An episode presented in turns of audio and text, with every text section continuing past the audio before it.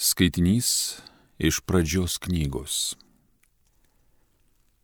Iš savo sūnų Izraelis labiausiai mylėjo Juozapą, nes tas buvo gimęs jam esant senyvam. Todėl jis pasiūdino puošnų drabužį. Jo broliai pamatė, jog tėvas jį myli labiau už kitus savo sūnus, pradėjo nekesti jo ir nebegalėjo geresnio žodžio jam pratarti. Kartą jo broliams išvykus ganyti tėvo avių prie Sichemo, Izraelis Juozapui tarė, tavo broliai gano avis prie Sichemo, eik šiandien, aš ketinu tave siūsti pas juos. Tasai atsakė, aš pasirengęs. Išėjęs paskui brolius, Juozapas rado juos Dotane. Tie jį pamatė iš tolo. Bet kol šis prie jų dar nebuvo prieėjęs, jie svarstė pasiūlymą jį nužudyti. Jie taip tarp savęs kalbėjo. Antai ir sapnuotojas ateina. Tad imkime, užmuškime jį ir įmeskime kur nors į šulinį. Paskui pasakysime, kad jį laukinis žvėris sudraskė. Tada pamatysime, kas iš jo sapnų išeis. Tada išgirdęs Rubenas panoro išgelbėti Juozapą iš brolių rankų. Jis tarė, nereikia mums žmogžudystės. Rubenas jiems tarė, tik tai nepraliekite kraujo, įmeskite jį čia stepėje į šulinį, o rankos prieš jį nekelkite. Matys norėjo išgelbėti Juozapą iš brolių rankų ir sugražinti tėvui. Priejus Juozapui prie brolių, šie jam nuplėšė drabužius tą puošnų į rūbą, kurį jis vilkėjo, sugriebė jį ir įstumė į tuščią išsekusi šulinį. Paskui jie susėdo užkasti. Pakėlę akis jie pamatė tiesiai betraukiantį Izmaelitų karavaną iš Gileado. Juk pranugariai buvo apkrauti tragantų, balzamu ir mira. Jie vyko Egiptan. Judas broliams pasiūlė, kokia mums bus nauda iš to, jei mes savo brolį užmuštume ir jo kraują nuslėptume. Verčiau jį parduokime Izmaelitams, o rankos prieš jį nepakelkime. Vis dėlto jis mūsų brolis, mesgi visi vieno kraujo. Jo broliai sutiko. Midianitų pirkliams pražygiuojant, jie ištraukė Juozapą iš šulinio ir pardavė Izmaelitams už 20 sidabrinių. Tie nugabeno Juozapą į Egiptą. Tai Dievo žodis.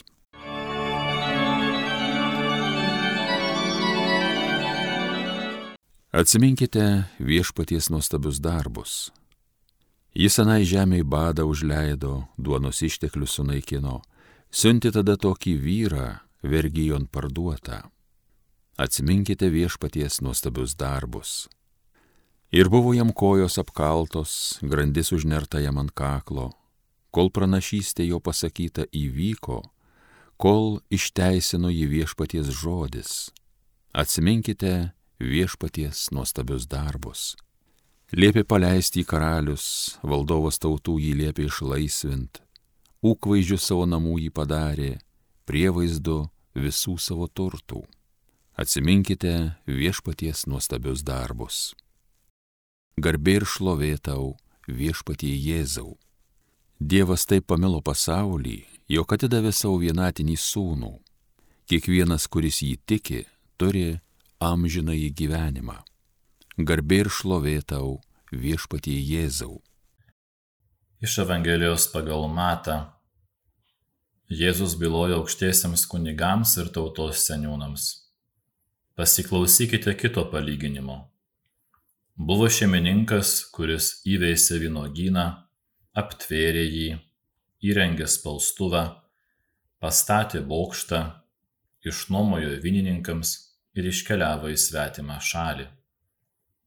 Atėjus vaisių metui, jis siuntė tarnus pas vynininkus atsiimti savosios vaisių dalies.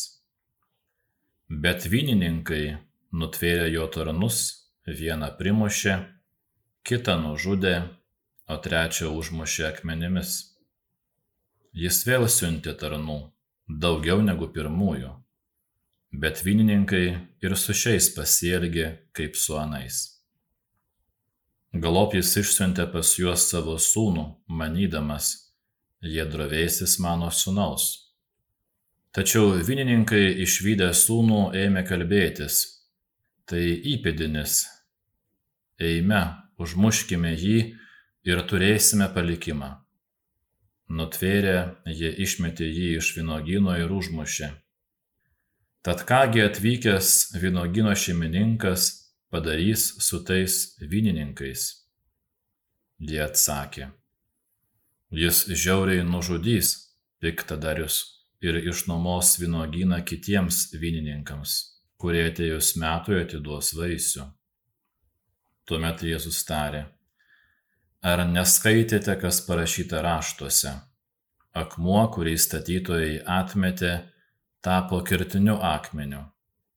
Tai viešpaties padaryta ir nuostabu mūsų akise.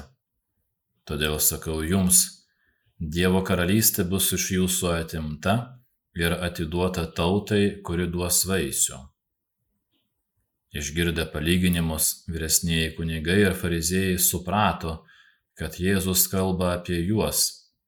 Jie stengiasi jį suimti, tačiau bijojo liaudės, nes jie laikė Jėzų pranašu.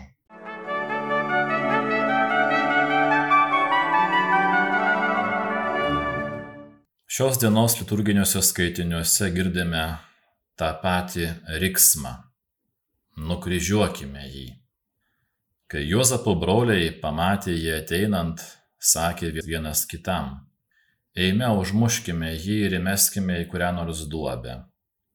Taip pat ir vynogynų darbininkai, pamatę ateinantį šeimininko sūnų, ėmė kalbėtis. Eime užmuškime jį. Šis siaubingas palyginimas mus verčia mąstyti apie Jėzaus kančią, kuris iš ties buvo nužudytas iš pavydo. Pavydas taip pat pažadino ir Jokūbo sūnų priešiškumą Juozapo atžvilgiu. Juozapo sapnai pranašavo palaimingą ateitį ne tik pačiam Juozapui, bet ir visai tautai. Tačiau Juozapo broliai nenorėjo suprasti jo sapnų dieviškumo ir savotiškai darė viską, kad tik jie neišsipildytų. Panašiu būdu veikia ir Izraelio tautos vyresnėji Jėzaus atžvilgių pavydėdami jam populiarumo ir įtakos, o galbūt bijodami prarasti jo savo galę. Pavydas stipriausiai pažeidžia širdį, ypač tuomet, kai nėra pagristas. Nebuvo pagrindo pavydėti Jėzui. Jis darbavosi visų labui. Tačiau tokia jau yra žmogaus širdis pažeista nuodėmės, jog pavydį gėrio vien dėl gėrio, Panašiai rašo apaštalas Jonas savo laiške apie Kainą, kuris nužudė savo brolį. Kodėl nužudė? Kad jo darbai buvo pikti, o brolio teisūs. Juozapo brolių pavydas buvo stebuklingai nugalėtas. Egipte Juozapas nebaudė savo brolių, bet juos išgelbėjo. Juozapas sugebėjo skaityti savo gyvenimą dieviškoje šviesoje ir pardavime į nelaisvę egiptiečiams išvelgė nuostabų Dievo planą gelbėti savo tautą nuo bado. Jėzus taip pat nugalėjo pavydą tapdamas paskutiniuoju. Vargu ar kažkas pavydė Jėzui jo kryžiaus kančios ir mirties. Jėzus pasirinkdamas būti mažiausiu ir paskutiniuoju siekia parodyti, jog tėvo jam suteikta galia yra meilės galia. Jau pačiame Jėzaus palyginime galime stebėti, kiek dėmesio ir jautrumo parodė šeimininkas, ruoždamas savo vynogyną nuomininkams. Jį įveisė, sumūrė jo aptvarą, įrengė spaustuvą, pastatė bokštą. Ir kokią aroganciją ir panieką parodo vynininkai, šeimininko darbininkams ir pagaliau jo sūnui, kurį nužudo tikėdamiesi paveldėti vynogyną. Įdomu, kokį jie teisės kodeksą studijavo. Tokiu būdu turime priešais akis Dievo ir Izraelio istorijos paveikslą, bet kartu tai yra Dievo ir žmonijos gilios meilės krizės paveikslas. Žmogus nenori pripažinti savo kurėjo ir save stato į jo vietą.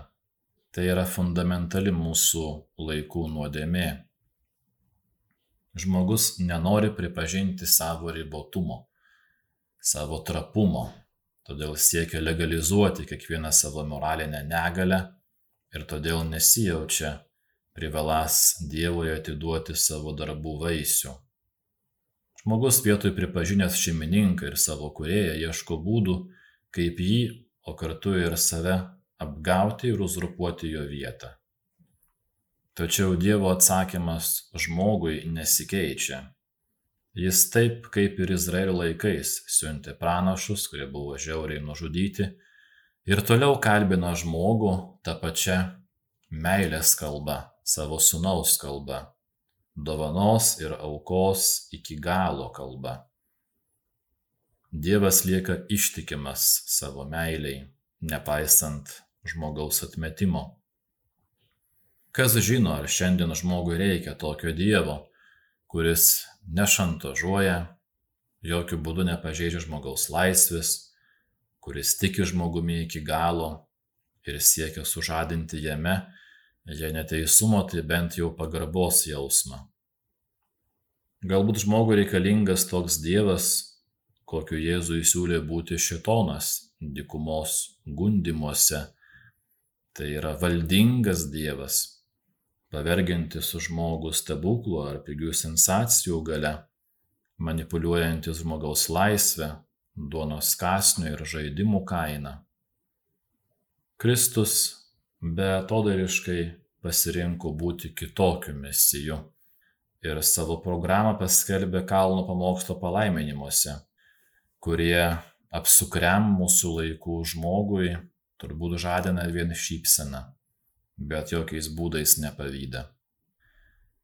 Šios dienos Evangelijos palyginimas skelbia kraupų žmogaus ir Dievo nesusikalbėjimą, skaudinantį Dievą ir tragiška savo pasiekmėse žmogui. Žmogus yra tarsi nepajėgus suprasti Dievo meilės ir neįgalus ją priimti. Tai reiškia, jog dėl savo pavydo, gopšumo, apsukrumo, egoizmo, logikos lieka nejautrus Dievo prisilietimui ir dėl to atsiduria už jo karalystės ribų. Būti už Dievo karalystės ribų tai būti už gyvenimo ribų neatsiliepti į Dievo pasitikėjimą mumis ir jo piknaudžiauti, taip kaip tai darė vynininkai žmogžudžiai, tai stumti save į moralinę mirtį. Jei žmogus godžiai savinasi visą, kas jam yra patikėta, pavesta jo globai, tuomet jis seka vynininkų žmogžudžių logiką ir ruošia savo jų likimą. Gavėnios laiko liturginiai Dievo žodžio skaitiniai sukuria nepakartojamą atmosferą ir kviečia mus eilinį kartą apmastyti, kokiu Dievu mes norime tikėti, kokiais žmonėmis norime būti, pagal kieno teisės kodeksą norime gyventi. Vynininkų žmogžudžių ar atmesto akmens, kuris tapo kertiniu akmeniu.